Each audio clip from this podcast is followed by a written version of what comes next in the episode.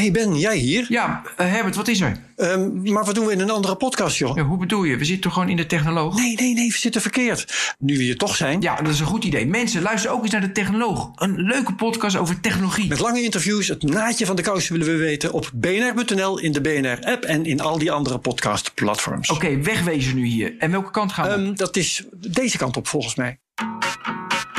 Dit is De Beste Stuurlui, de opiniepodcast van BNR. Voor wie dringend op zoek is naar een mening, hardop tegen programma's wil praten of alle kanten van de zaak wil horen.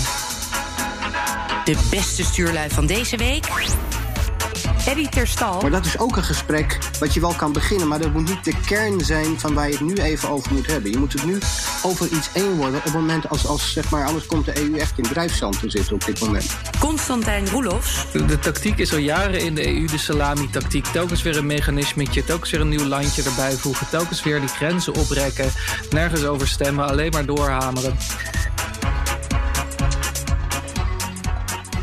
De column van Jaap Jansen. De coronacrisis is de grootste stresstest sinds de Europese Unie bestaat, zei een Europese topambtenaar mij deze week. De vorige test, de financiële crisis die overging in de eurocrisis, duurde zes jaar. Corona kwam snel en onverhoeds en iedere burger heeft er meteen zelf last van. De Europese media puilen uit van verwijten aan Nederland. Weerzinwekkend kinderlijk en gevoelloos, noemde de Portugese premier de harde afstandelijkheid van Wopke Hoekstra, die geen coronabonds wil en het bestaande noodfonds pas onder harde voorwaarden wil activeren. We varen op een ijsschots af en Nederland zeurt over eerste en tweede klaskaartjes, zei een Spaanse minister. Go fuck yourself, klonk het dan ook toen Carola Schouten om hulp vroeg voor de getroffen bloemensector. In de eurocrisis zag je Griekse protestborden met Angela Merkel afgebeeld als Hitler. Nu zijn Rutte en Hoekstra kop van Jut. Het verschil met toen is dat nu ook intern alle vrevel meteen op tafel wordt gelegd. Misschien moeten we eerst hier doorheen voordat iedereen weer bij zinnen komt, verzucht een diplomaat aan de telefoon. Het begon al bij de eurotop over de meerjarenbegroting, waar Rutte doodgemodereerd met een zeer interessant boek over Chopin liep te zwaaien. Had hij alle tijd voor, want het Nederlandse standpunt tegen meer geld voor Europa was toch al bekend. Toen het donderdag twee weken geleden op de top over de coronacrisis ging, werd het lijstje vooraf bedachte conclusies steeds korter. De sfeer was ijzig. Tot voor kort konden ze de Britten nog de schuld geven als het in Europa stroef verliep. Nu kijkt iedereen naar de Nederlanders. I am Dutch, so I can be blunt, zei minister van Financiën Jan Kees de Jager in de Griekse crisis. Voor de collega's was dit oude gedrag weer helemaal terug. De Duitsers zijn in hun standpunt minstens zo hard, vertelde iemand uit de binnenste cirkel me, maar zij brengen het veel diplomatieker. Pas toch op, waarschuwde zelfs oud-bankpresident Nout Welling. Als Italië valt, valt de eurozone. Dat is ook het einde van het rijke noorden. Bij regeringspartijen D66 en ChristenUnie groeide de vrevel. Dit kon maar beter snel ophouden, want anders zou Nederland wel een slachtoffer kunnen worden van een voor iedereen levensgevaarlijk politiek virus. Inmiddels heeft Wopke Hoekstra min of meer excuses aangeboden. Nederland wil heus wel solidair zijn. Misschien heeft hij, met zijn ambitie om het CDA te gaan leiden, het jongste CDA-rapport er nog eens op nageslagen. Niet tegenover elkaar, maar zij aan zij, is daarin het motto. Zou iemand dit al in het Italiaans vertaald hebben? Ja, uh, leuk verhaal, maar uh, volgens mij uh, is het grote probleem dat wat ik ook al in de Elsevier had geschreven, dat het, het probleem is dat er dat vooral dat, dat noodfonds ook heel erg aansluit bij de pre-existing conditions. Um, dus zoals ik had geschreven, ja, die, die, economieën zijn nu heel hard geraakt. Maar dit is nog maar het laatste zetje voor economieën die al vrij slecht eraan toe waren. Die al geteisterd werden door heel hoge jeugdwerkloosheid, door slechte productiviteit, door allerlei ongein. Uh, die het gevolg zijn van jarenlang slecht beleid. En als we dus nu inklikken in een systeem dat wij garant gaan staan voor de staatsschulden van die landen die al jarenlang hun zaken niet op orde hebben, niet alleen in deze crisis, dan zitten we er voor eeuwig aan vast. En dan gaan we eigenlijk met onze noodhulp structurele problemen van voordien oplossen. Dus ik vind het heel goed dat Hoekstra zo, uh, zo hard uh, doet. En ik zou ook, uh, ook van harte aanraden om zijn poot vooral stijf te houden. Lang niet alle Zuid-Europese landen zijn hetzelfde. Hè? Ik bedoel, Spanje heeft bijvoorbeeld heel rigoureus bezuinigd. En weet je, wat, wat je op dit moment een beetje ziet, is dat van allebei de kanten wordt er flink op, op, de, op de trom geroffeld aan de populistische kant. Enerzijds hebben we de, de EU-hosanna van, van Vignette, anderzijds de, de Baudetisten en zo. Iedereen probeert die zijn eigen politieke punt te maken, maar de zaak is gewoon dat je er dat je eruit komt. En dat, het, dat je, als je nu ik, ik ben niet inderdaad ervoor om nu al, dat was eigenlijk mijn punt, mijn ergernis, dat nu zeg maar al deze dingen al op tafel moeten en uitonderhandeld moeten worden. Op het moment dat de emoties nog zo hoog liggen dat we helemaal niet weten welke kant we opgaan. Ik zou zeggen, los nu eerst even zoveel mogelijk, goed en kwaad als het kan. Los Ja, maar daar gaat het juist op. Het gaat juist op wat, wat, welke instrumenten gebruiken we hiervoor. En het probleem is dus dat het instrument waarnaar om gevraagd wordt... een structureel en geen incidenteel instrument is. Ja, maar dat, is, dat vind ik dus ook het problematische eraan. Ik Ja. vind dat de eurobonds op dit moment. Eh, ik denk eigenlijk dat je die op dit moment even niet aan moet raken. Dat je gewoon echt even moet kijken hoe kunnen we structurele nood lenigen. Want het is inderdaad heel belangrijk dat. eh, ja, ja, dat- kijk, het- je wil ook niet dat de EU uit elkaar valt. Alleen je moet wel op dit moment Nou moet je gaan kijken. Wat voor EU willen we? Wat zijn de instrumenten die we nodig hebben om die samenwerking overeind te houden? En als je te, als je te extreem centralistisch gaat werken, ik bedoel, ik ben helemaal voor de EU en ik, ik hoop ook dat het blijft bestaan. Maar als je te centralistisch bent, heb je wel eens kans dat het, dat het uit, ja, in zijn ambitie uit elkaar valt, zeg maar. En, en, en dit, is, dit is echt weer zo'n. Ja, natuurlijk. Maar als je, als je, als je daar naar economische convergentie streeft, dan moet je wel eh, centristisch denken, denk, of, of centralistisch denken. En ik denk dat we daarom ook, toen het hele EU-project begon, ook heel heldere begrotingsafspraken hebben gemaakt. En dat alle landen die zich daar niet aan hebben gehouden en die daarom nu dus de hele tijd economisch achter de feiten aanhobbelen. Eh, dat die nu een kans gewoon zien om, eh, om nog maar weer eens een keer al die regels op te rekken. Verenigd de nood, want die is hoog. Hè. Uiteindelijk Ja. in Nederland zal die ook best hoog worden, want wij hobbelen er ook natuurlijk achteraan. Wij denken we nog onvoldoende beseffen wat eigenlijk wat op ons afkomt. Maar weet je, op dit moment probeer, eh, ja, pro- probeer barmhartig te zijn en, hulp, en hulpvaardig zijn op dit moment. Maar wacht even met de, serieuze gesprekken. Die moet je nu ook hebben, maar dat je zegt. Over een jaar komen er echt serieuze gesprekken over hoe jullie dat gaan doen, budgetair in het vervolg. Ja, ik denk dat je eh, onderscheid moet maken tussen wat nu direct acuut te wijten is aan de gevolgen van het coronavirus. Want daar kun je geen onderscheid maken tussen het ene land en het andere land. Want elk land heeft Natuurlijk wel. min, min of meer evenveel schade nu door dat virus. Ehm, bijvoorbeeld voor eh, landen als Frankrijk, Duitsland, Nederland eh, wordt ook gedacht aan korte termijn schade van misschien wel 10% economische krimp. Ehm, dus, dus als je dat als een soort gedeeld probleem ziet, dan zou je daar eh, haakjes omheen kunnen doen. En dat zou je gezamenlijk kunnen behandelen. En dat staat los van de kritiek die er vanuit het noorden al heel lang was op bijvoorbeeld zoals een land als Italië zijn staatshuishouding organiseert. Ja. Eh, want dat probleem is, is, nog, is niet opgelost. De financiële impact van de coronacrisis kun je helemaal niet loszien van het algemene bredere economisch verhaal. Je hebt juist een breder algemeen economisch verhaal om om te gaan met conjunctuur, met schokken, met onvoorziene rampen. En daarvoor heb je juist zo'n ding eh, als, als een conservatieve begrotingspolitiek en een, eh, en, en, en nood, of een, een- ja, eh, Keynesiaanse sparen in de vette jaren, uitgeven in de magere jaren. Ehm, dus, dus ik, denk, ik denk helemaal niet dat, dat het. ja, vanuit je luie stoel is het wel makkelijk om te zeggen. eh, ja, we kunnen die economische impact eh, tussen haakjes zetten. Maar ik denk dat als je dat in de praktijk door moet gaan rekenen. dat het helemaal niet zo makkelijk is. En dat het ook helemaal niet zo makkelijk meetbaar is. wat nou precies corona is. en wat nou de doldrums zijn die er al veel langer in zijn economie eh, zitten. Dus ik denk van ja, als je zegt. Kijk, medisch is natuurlijk corona makkelijk te isoleren. Dat zit gewoon in de longen en daar is het probleem. Alleen economisch is dat gewoon veel minder makkelijk eh, los van elkaar te trekken. Dus ik denk van ja, als je zegt van we moeten nu het probleem specifiek aanpakken. Je kan niet zomaar dat in de economie isoleren, denk ik, dat, dat probleem. Je kan alleen zeggen, ja, we hebben 10% Nee, dat, teruggang. dat zijn nooit harde grenzen, maar die ambitie zou er wel moeten zijn. Ik denk net zozeer als de zuidelijke landen, de noordelijke landen niet, eh, niet nu al moeten gaan vastleggen op die eurobonds, denk ik ook dat, wij, dat dit niet het moment is om, om die structurele problemen die er in het zuiden waren, om die centraal te stellen op dat moment. Ik denk dat die gesprekken moeten Nee, absoluut dat is waar. Van beide kanten. Alleen de ambitie, voor zover dat mogelijk is, moet nu zijn om inderdaad, wat Jaap zegt, die haak, die, dat even zoveel mogelijk als het kan er tussen haakjes te zetten. En die harde gesprekken naar beide kanten toe. Ik denk dat, dat, dat hè, ik bedoel, dat, dat Hoekstra absoluut gelijk heeft dat, eh, ja, dat, dat, eh, dat die zuidelijke landen in verschillende maten natuurlijk de zaken minder op orde hadden. Maar dat is ook een gesprek wat je wel kan beginnen. Maar dat moet niet de kern zijn van waar je het nu even over moet hebben. Je moet het nu over iets één worden. Op het moment als, als zeg maar, anders komt de EU echt in drijfzand te zitten op dit moment. Ja, en, en Als daar, het niet al zat. da- da- daar raakt Eddie ook aan een, eh, aan een politiek punt. Eh, want je hebt natuurlijk de regels en de afspraken die we met z'n allen gemaakt hebben. Eh, maar je hebt ook nog het overeind houden en misschien als het even kan sterker maken van de Europese samenwerking. En daar komt ook een moment dat Nederland eh, ja, toch bereid zal, zal moeten zijn om op een bepaalde manier een compromis te sluiten. Eh, er waren altijd in de gewone tijd, hè, toen we nog gewoon eh, naar Brussel gingen om te vergaderen. eh, dan had Nederland had intern een good cop, bad cop eh, rolverdeling. De bad cop was Bobke Hoekstra en al zijn voorgangers als minister van Financiën. En de good cop uiteindelijk op de allerlaatste, het allerlaatste uur van de eurotop was de minister-president Mark Rutte.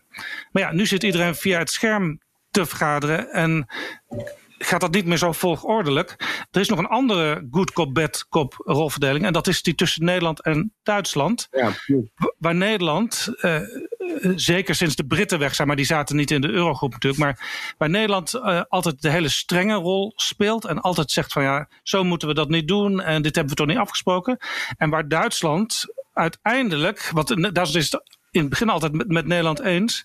Maar Duitsland uiteindelijk de rol moet spelen samen met Frankrijk van een compromis bedenken waar de rest dan bij kan aansluiten. En die, die, zeg maar, die gegroeide rolverdeling binnen Nederland en binnen Europa, die is nu even in de war omdat niet meer de volgordelijke vergadermomenten er zijn. Dus komt, komt er het moment, en daar zit iedereen nu naar te kijken, wanneer gaat eh Wopke Hoekstra, gesteund door Mark Rutte, eh, toch een soort van toegeving doen. En eh, dan komt ook het moment dat bijvoorbeeld de Italianen zich erbij neer moeten leggen. Dat er voorlopig geen eh, eurobonds of coronabonds komen. Maar dat er wel een, een, een ander soort tijdelijke oplossing komt. En wordt er al een beetje over gespeculeerd in wat voor vormen dat zou dan moeten, eh, moeten zijn? Gewoon Nou, fondsen of... De verwachting is toch dat het, dat, dat Europese stabiliteitsmechanisme dat dat wordt ingeroepen. En dat daar wel wat soepeler met de criteria zal worden omgesprongen. Dat, was dat fonds dat voor, zeg maar, voor Griekenland eigenlijk zeg maar, in het leven is geroepen, toch? Ja, daar, zit, eh, daar hoeft ook geen nieuw geld in, want daar zit iets van 450 miljard euro in. En ehm, zodra, zodra er echt geld mm, extra nodig is, het is, het is de vraag of dat moment nu al is aangebroken. Maar daar kun je natuurlijk criterium voor, voor, voor toepassen. Eh, en en daar, daar zitten de Duitsers, die zitten nu een beetje in die richting te kijken. Want de Duitsers die zijn net als de Nederlanders, en er zijn nog acht andere eh eurozone-landen, die zijn absoluut tegen eurobonds. Wordt het nu in hoge mate tussen Nederland en Duitsland geco- gecoördineerd? Wat jij noemt zeg maar dat good cop, bad cop. Is dat nog altijd wel wat er... eh, hoe het nu... Want de Nederlanders vangen nu zeg maar de wind. Terwijl in feite de Duitsers eigenlijk niet echt een eh, heel erg afwijkend standpunt hebben van ons. Nee, de, de, de, nou ja, de Duitsers zijn al wel gedraaid hoor. De Duitsers een paar weken geleden eh, waren, als, eh, waren misschien nog wel harder intern in de vergaderingen dan de Nederlanders. Maar de, de fout die misschien toen gemaakt is door Rutte en Hoekstra naar buiten toe, naar de media, is dat zij het heel hard naar buiten hebben gebracht. En daardoor trokken zij al het vuur aan. En inmiddels zijn de Duitsers, die zitten al richting een compromis. Want het was echt Wopke Hoekstra de afgelopen dagen, die, die als laatste nog eh, heel, een, een heel erg harde, eh, in, eh, harde opstelling bleef handhaven. Terwijl Olaf Scholz, de Duitse minister van Financiën, al wat meer compromisbereid bleek te zijn. Ja, maar weet je wat, wat, wat het lastige is nu? Kijk, ik bedoel, het wordt nu eigenlijk in een stroomversnelling, wordt nu zeg maar meteen een bruggetje over mijn ergernis dat alles nu zeg maar, alles nu op tafel moet. Kijk, ik denk dat Europese samenwerking en dat de hele Europese project, dat denk ik dat het bijna een onmisbaar element is in, in de geopolitiek nu. Je ziet nu ook Ja. zeg maar, dat, dat, dat Rusland en China eh, zeg maar, een grotere rol willen gaan spelen. Eh, je wil ook heel graag dat hè, van die politieke macho-culturen in het oosten van de, van de, van de EU, dat, daar, eh, dat, je daar, eh, dat je dat milder kan maken, dat je dat leefbaarder kan maken. Maar ik denk echt dat het nu dat het tijd is ehm, om langzaam en dan langzaam te gaan denken over wat voor vorm wil die EU laten hebben? Want wat, hoe je het ook went of keert, als het nu zo is dat de, de laten we zeggen, uh, dat de noordelijke landen zeg maar structureel aan de zuidelijke schulden gekoppeld zitten. Nou, dat geeft natuurlijk ook heel veel kans aan, aan populisme aan, aan, aan in die kant van het spectrum. Um, anderzijds is het zo, als, de, als het zuiden uh, zeg maar aan hele strenge begrotingsnormen wordt gehouden, is dat natuurlijk ook daar voedingsbodem voor populisme. Maar, maar, maar ook is het een keer zo dat het democratisch gehalte daarvan. Want daar zitten ze helemaal aan de leiband van, van, van Brussel. Dus beide kanten hebben zeg maar nationaal nog heel weinig in de melk te brokkelen. En ik denk juist dat wil je de EU een reële kans geven om, om tijdsbestendig te zijn, dan moet je een beetje decentraliseren op sommige momenten, zeker op het punt van, van democratie. Je moet het idee geven dat ja, mensen... democratie en de EU zijn natuurlijk sowieso onverenigbaar. Ja, maar, maar, En, dat, eh, maar dat zou niet zo moeten zijn. En ja, dat- dat zou niet zo moeten zijn. Maar het is, het is, ik, denk, ik denk niet dat je die. eh, Kijk, de, de tactiek is al jaren in de EU de salami-tactiek. Telkens weer een mechanismetje, telkens weer een nieuw landje erbij voegen. Telkens weer die grenzen oprekken. Nergens over stemmen, alleen maar doorhameren. En de, de, arrogantie waarmee die maatregelen worden genomen en waarmee de democratie buitenspel wordt gezet. eh, laten we bijvoorbeeld ook niet vergeten dat tijdens deze crisis, waarin eigenlijk blijkt dat de culturele en economische verschillen in de EU onoverbrugbaar zijn, wordt er gewoon doodleuk tegen Albanië en tegen Noord-Macedonië gezegd: jongens, kom daar ook gezellig bij. Dus die, die, die EU die blijft maar doordenderen, die blijft maar doordenderen. En er is niemand die dat gaat stoppen. En er wordt er eh, vanuit die Brusselse eh, bureaucratie wordt er maar te- telkens maar wordt dat wordt die hele EU opgerekt. En er is geen enkele manier Dus, eh, om dat op een democratische manier eh, tot, tot, tot een halt te. Ja. Als ik jou goed begrijp, zit er in Brussel een kwade genius. Nee, dat zeg ik niet. Ik zeg niet dat er in Brussel een kwade genius zit. Ik zeg dat er eh, een, een kaste is van, van, eh, van eh, Brusselse eh, leiders eh, of, of bureaucraten eh, die eh, deze tactiek al jaren eh, hand, of, ja, niet handhaven, maar al jaren voeren om, eh, om, om, om die, die EU zowel territoriaal als eh, qua bevoegdheden uit te breiden. De Europese Commissie kan voorstellen doen, maar het zijn toch altijd de regeringsleiders eh, die de macht hebben in Europa en die dingen kunnen tegenhouden of juist doorzetten. Eh, dat, is, dat is niet he- 100% democratisch, want eh, er is geen, op die manier is er, zijn er te weinig checks en balances. Want het Europees Parlement heb je natuurlijk ook nog, maar die, die lopen er vaak achteraan. Die worden dan wel weer bij betrokken. Die moeten dan vaak ook instemmen. Maar die, die hebben ook het gebrek aan steun vaak eh, bij de bevolkingen. Die zien het Europees Parlement niet echt als hun vertegenwoordiging. Dus het komt er in praktijk altijd op neer dat de regeringsleiders de leiding hebben. En het is niet een soort moloch in Brussel die iets dicteert. Nee, maar dat, kijk, formeel is het natuurlijk niet, zit het inderdaad systeem zo in elkaar zoals jij dat zegt. Alleen informeel, of tenminste hoe de, hoe de zaken zijn gegaan in de afgelopen 50 jaar zo ongeveer, is het, is het wel gewoon zo gegaan dat te- telkens keer weer, eh, dat ze dan bedacht is, we gaan bevoegdheden uitbreiden, we gaan die Unie uitbreiden. En dan pas als het dan allemaal gebeurd is, dan wordt er nog eens een keer een soort van gevraagd of de mensen het ermee eens zijn. Eh, en worden plannen ook gewoon over veel meer regeringen heen getild. En worden uiteindelijk altijd weer landjes die tegenstribbelen, worden weer geboelied of beloond. ehm, om die maatregelen en die, die expansies toch door te laten gaan. Ehm, en dat, dat, ja, dat, dat, maar, ook, maar ook dat is heel ingewikkeld. Ik denk dat we op alle punten moeten gaan nadenken. Ik denk als je inderdaad met Noord-Macedonië of met Albanië, hè, dat je dus er bezwaar tegen hebt dat dat er op dit moment bij komt.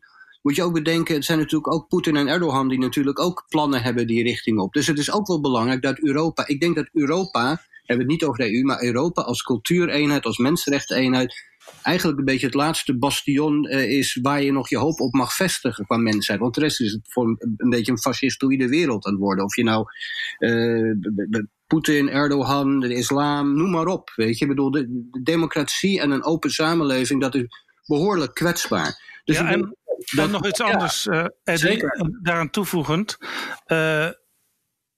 Het is al wat langer dan, dan Trump gaande, maar onder Trump is het helemaal duidelijk geworden.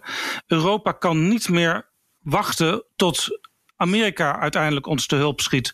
We zullen het zelf moeten doen in die boze wereld. Dus moeten we ook zelf meer kracht maken. Precies, Maar daarom, is- daarom is natuurlijk dat- politiek moet durven, durven spelen. Daarom heb je ook eenheid nodig. De vraag is alleen hoe je dat intern doet. Hoe je ervoor zorgt dat er niet volksopstanden komen. eh, zeg maar ten noorden van de Alpen, bij wijze van spreken. Dat mensen het idee hebben dat hun stem niet meer meetelt. Dat ze moeten opdraven voor eh, andermans pensioen, dat soort dingen. Maar dat je toch samen kan werken en dat je. Het, is een enorme opdracht, ik weet dat. Maar misschien moet je wel eens heel serieus gaan denken over de rol van de euro. Je, ik denk dat je, het, het soms heel moeilijk is om economisch beleid te gaan voeren als je niet kan compartimenteren. En, en dat kan nu bijna niet. Ik denk dat, dat, dat beide kanten van de Alpen, zeg maar, zitten ook wel heel erg aan die euro vast. Het is, Ja, ook, weet je, het is voor handel en zo is het allemaal prachtig. En, en eh, allemaal, hè, bedoel, dat moet ook absoluut doorgaan. Maar je moet echt serieus proberen kijken of je heilige huisjes. Of je, je moet de ideologie uit het beleid halen. De- en, dat, en dat is vaak. de- dus enerzijds is het of puur nationalistisch en eigenbelang. Anderzijds zit er een, een, hele, ja, een hele groep van mensen die elkaar op symposia en dingen treffen. Die, die nog heel erg een idealistisch beeld hebben van, van, eh, van Europa. En dat heb ik ook. Weet je, ik bedoel, de Europese idealen, eh, die, die, die onderschrijf ik volledig. Het is alleen zo van. Je moet het ontdoen even van de ideologie. Ontdoen van, van, van wensdenken. En kijken van hoe kunnen we een serieuze, eh, tijdsbestendige EU opbouwen. Waar, waar ja, die niet gewoon uit, uit overambitie in elkaar stort. Of, of in elkaar stort uit, uit een gebrek aan eenheid. Ja, overigens, dat gebrek aan eenheid wordt soms ook door de regeringsleiders zelf bevorderd. Eh, door bijvoorbeeld ehm, de tegenstellingen hoog op te kloppen. En als er iets uiteindelijk een compromis uit een Europese top komt. eh, als regeringsleider te zeggen, ja, dat komt dankzij mij. En het duurde wat langer. Het duurde een uurtje of vijf, zes, zeven langer. Maar ja, we hebben ook toch heel hard gespeeld. En nu is er een goed compromis uitgekomen. en als elk land dat nationaal zegt, Ja. dan kan dat, kan dat dus niet kloppen. En tegelijkertijd heb je, wat Eddie, Eddie zegt, ja, populisme, ehm, wat ook eh, zit te kloppen tegen Europa. Bijvoorbeeld Matteo Salvini in Italië. Die is zelfs een eh, petitie gestart tegen dat Europese stabiliteitsmechanisme. Daar moeten we geen geld uit accepteren. Want dan moeten we ook weer aan die voorwaarden voldoen. Eh, ja, aan de, andere, aan de andere kant heb je bijvoorbeeld de Hoekstra's en de Ruttes, die dan in Nederland toch ook de Baudetten en de Wildersen een beetje tegemoet willen komen. Ja, maar die angst is natuurlijk ook wel reëel dat er op een gegeven moment, zeg maar, kijk, niet iedereen is, is op de hoogte van het dagelijkse reilen en zeilen van wat er in de Europese Commissie gebeurt. Niet iedereen is econoom. Dus eh, weet je, dat op een gegeven moment mensen, zeg maar, hun, eh, hun eigen ellende, die er, die, er, die er zeker eh, relatief nu aan gaat komen, of relatief, dat zal behoorlijk hard toeslaan bij mensen, dat die dat aan de EU gaan wijten en zo, weet je. En, en dat, eh, dat, dat, beg- dat begrijp ik ook wel. Ik begrijp ook dat, ik denk als je iets meer naar een, een, een soort. Je moet ook een soort pas op de plaats maken voor Europa. Dat je even kijken welke kant gaan we nu op. Want als je nu al committeert aan dingen waarvan je weet dat is op de lange termijn binnenlands niet meer houdbaar. Tenzij je dus zeg maar oecasus gaat afkondigen, maar dat wil je ook niet. Je wil niet iemand. Je kan niet een. We hebben het ooit een keer geschreven over de EU. Je kan niet een kokosnoot door een trouwring heen duwen. Dat moet je op een gegeven moment in stukjes, weet je, moet je dat. Er, want de mensen moeten niet het Ja, maar dat doet- wordt dus al, al jaren gedaan. Dat, die, die kokosnoot stukjes opgetild, door die, door die ring geduwd. En nu zijn we met zo'n EU die dus op het randje is van een financiële unie. Ehm, waar eigenlijk de bureaucratie van zegt, dat willen we doen. En een heel groot deel van de landen, ja. Eh, maar een heel groot deel van de bevolking, die wil dat dus niet. Zeker niet in de noordelijke landen. En eh, zeker in Duitsland ook niet. En... ehm, dus nu is echt het breekpunt. Er is jarenlang is, is dat proces van, van stukje voor stukje is, is gevoerd. En nu komt echt de test van hoe staat de Unie er nu voor? Dat is het probleem waar we nu mee zitten. Nou ja, ik denk een heel groot deel van de bevolking zeg, zeg je steeds. Maar eh, als je kijkt hoe Europa nu in de perceptie van de Nederlanders eh, gezien wordt, dan zie je toch zo'n 70, 80 procent die is blij met Europa zoals het er is. Natuurlijk niet met alle details, maar in grote lijnen. En dan lijkt het mij vooral ook een opdracht voor regeringsleiders van, van alle lidstaten om dat veel meer over te brengen naar de bevolking wat, het wat de grote voordelen zijn van de Europese samenwerking. Europa beter uitleggen. Het is alsof ik Laurens Jan Brinkhorst in 2005 voor praten. Kom op zeg, het is toch al lang niet meer relevant dat idee. dat Europa beter uitleggen. Dit, is toch gewoon, gewoon wensdenken van 15 jaar geleden. Ja, ik herken dat ook wel altijd een beetje vanuit de Partij van de Arbeid. Dat, uh, in mijn partij is het ook altijd zo dat men altijd, we hebben het wel goed genoeg uitgelegd. Ik denk dat we dat je, ik denk echt dat, dat, dat die hypercentralisatie op dit tempo, hoezeer ik ook vind dat, hè, zeker geopolitiek moet Europa eenheid, een eenheid blijven zijn. Maar ik denk dat die hypercentralisatie denk het Europese project echt, eh, echt in gevaar brengt. Ik denk dat dat is, on, dat is onvoldoende doorgedrongen, denk ik, eh, in de Brusselse burelen. Ik zie geen hypercentralisatie. Ik zie overigens wel, dat hebben we nog helemaal niet genoemd. Er is natuurlijk ook een Europese centrale bank.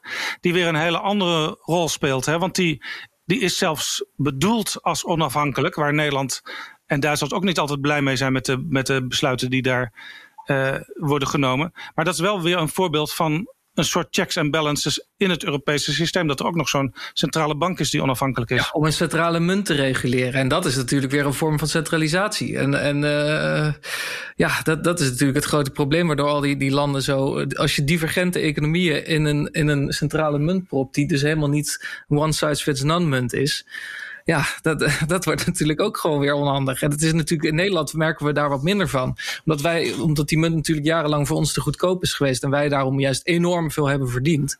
Ja. Maar uh, bedoel, die 40% eh, jeugdwerkloosheid op een zeker moment in Portugal en Griekenland. Dat, uh, ja, dat was toch niet echt zo'n supergoed idee. En daarom is natuurlijk ook een verzwakking ontstaan door die euro in die zuidelijke landen. Waardoor bijvoorbeeld alle slimme jongetjes en meisjes uit de zuidelijke lidstaten. die gaan allemaal in Amsterdam voor Booking.com werken.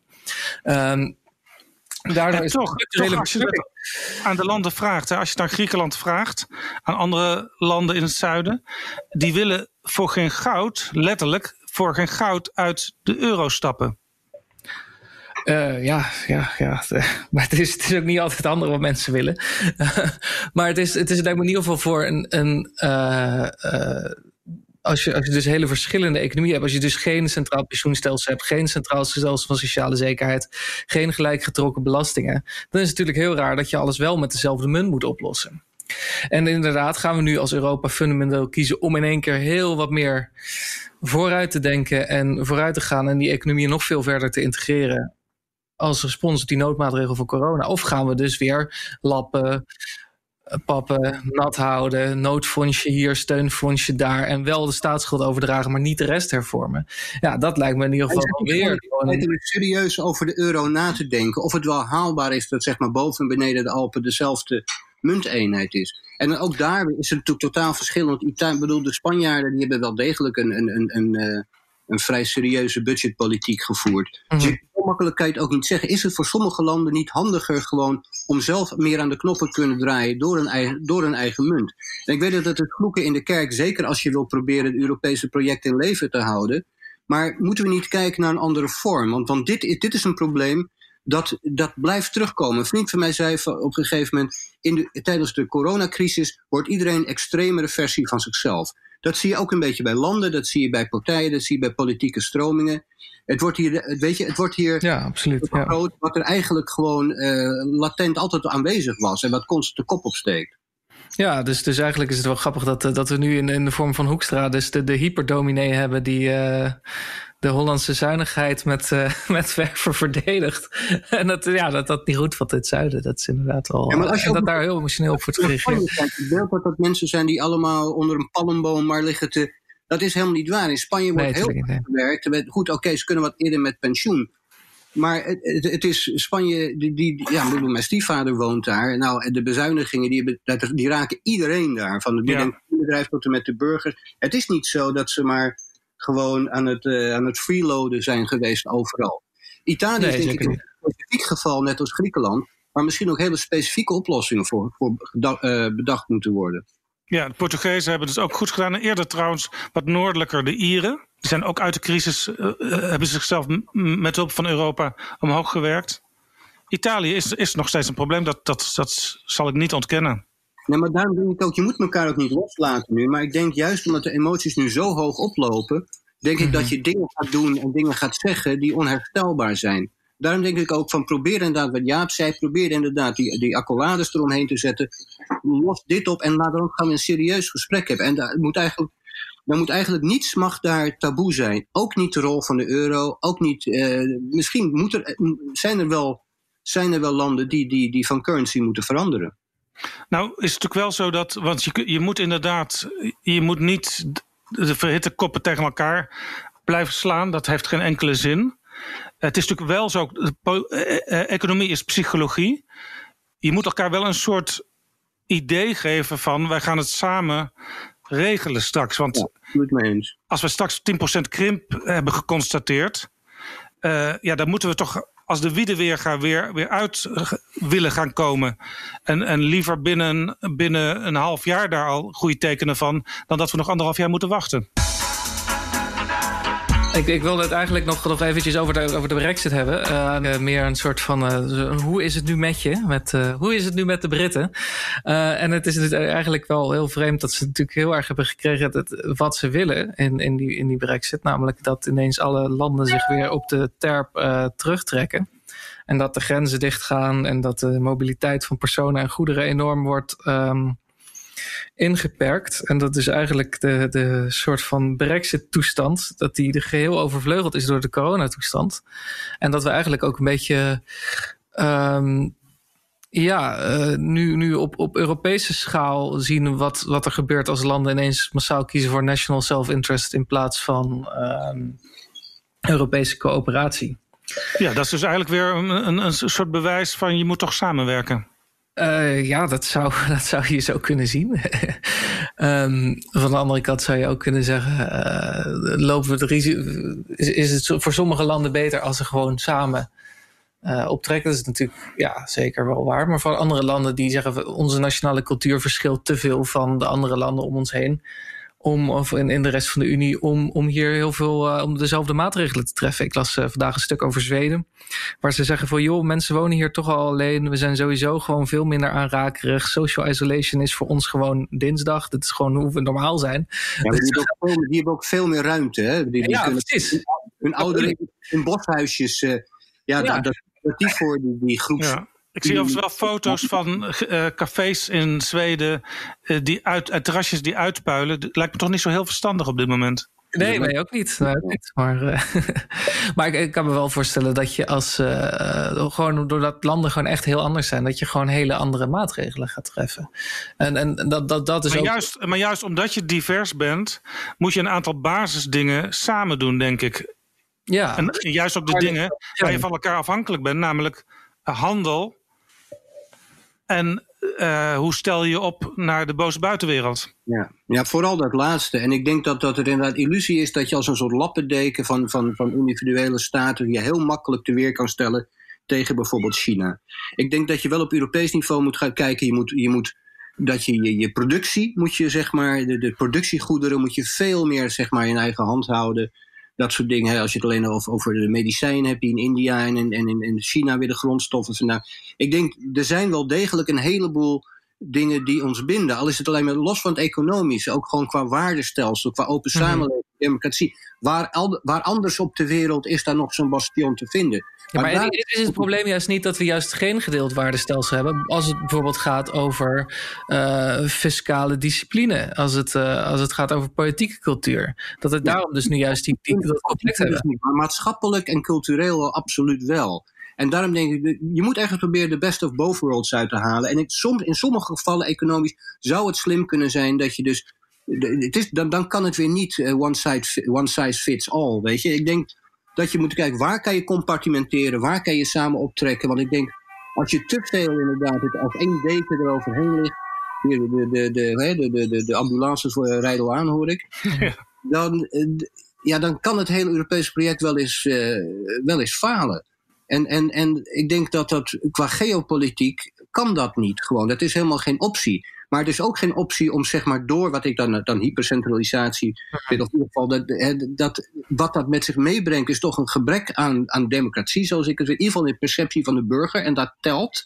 Dat is echt heel belangrijk, want je kan dus zeg maar dingen niet doen als je, geen, als je daar geen draagvlak voor hebt. En die draagvlak moet je creëren door het idee te geven dat mensen dat, je, dat het er toch nog wat toe doet als je voor eh, Haagse zetels gaat, gaat, gaat stemmen, zeg maar. Ja, mijn stelling is dus dat om die dat democratisch draagvlak te bevorderen, uh, regeringsleiders en politie in het algemeen ook een opdracht hebben, het als een opdracht moeten zien, om veel beter duidelijk te maken aan het publiek wat, wat de voordelen van Europa zijn om heel veel dingen samen te doen. Ja, ik zou willen dat het werkt. Ja, ja, maar het wordt, het, wordt al, het wordt al tientallen jaren zo gedaan. En het is, het is, het, het is mensen kiezen alleen maar meer voor. Uh, voor kijk, ze, ze, kiezen voor de lijn voor, voor een beetje rechtsige uh, liberale partijen. die gewoon die Nederlandse waarden naar de Europese Unie willen uitdragen. En overigens, uh, de rechtsige liberale partijen, waarvan de grootste natuurlijk de VVD is. die die bevordert heel vaak in het debat sceptisch over Europa. Maar als ja. het dan echt op aankomt, dan is de premier van de VVD weer de, de grote steunpilaar van Europa. Tuurlijk, maar we kunnen er allemaal ja, over eens zijn dat de VVD'ers allemaal een stelletje schobbejakken en leugenaars zijn. Dat lijkt me geen... Nou ja, toch worden uh, in de peilingen nu Rutte weer 37 zetels uh, oh. Maar hij doet natuurlijk de hele coronacrisis ook wel heel presidentieel natuurlijk. Hè? Dat, is, uh, dat, dat helpt natuurlijk ook wel echt met zijn populariteit. Ja, maar je kunt dus niet zeggen. Uh, de kiezers zijn dom. En ja, ik snap ook niet waarom ze op Rutte stemmen. Ja, maar het is nog 70% van de, de, de, de, de kiezers op, op zeg pro-EU-partijen stemmen. En dat is ook een signaal. Alleen wil je zeg maar dat, wat ik zeg, tijdsbestendig maken, dan denk ik toch dat, dat je echt moet nadenken over democratisch gehalte en ook over de methodiek. Dat is hetzelfde als met het klimaat. Iedereen vindt dat er wat aan het klimaatprobleem moet worden gedaan. Maar er moeten ook alle opties eh, zeg maar, van de instrumenten die je hebt, inclusief bijvoorbeeld kernenergie, moet ook wel serieus op tafel eh, kunnen blijven worden gelegd, ook in nationale parlementen. Zullen we dan tot slot Rutte, Hoekstra, de Italianen en alle anderen in Europa veel wijsheid toewensen? Ja, dat is wel goed. Dat is leuk. Ja. ja. Dit was weer een aflevering van De Beste Stuurlui. Een opiniepodcast van BNR. Alle afleveringen zijn terug te luisteren op bnr.nl/slash podcasts, iTunes en Spotify. En hou je roer recht.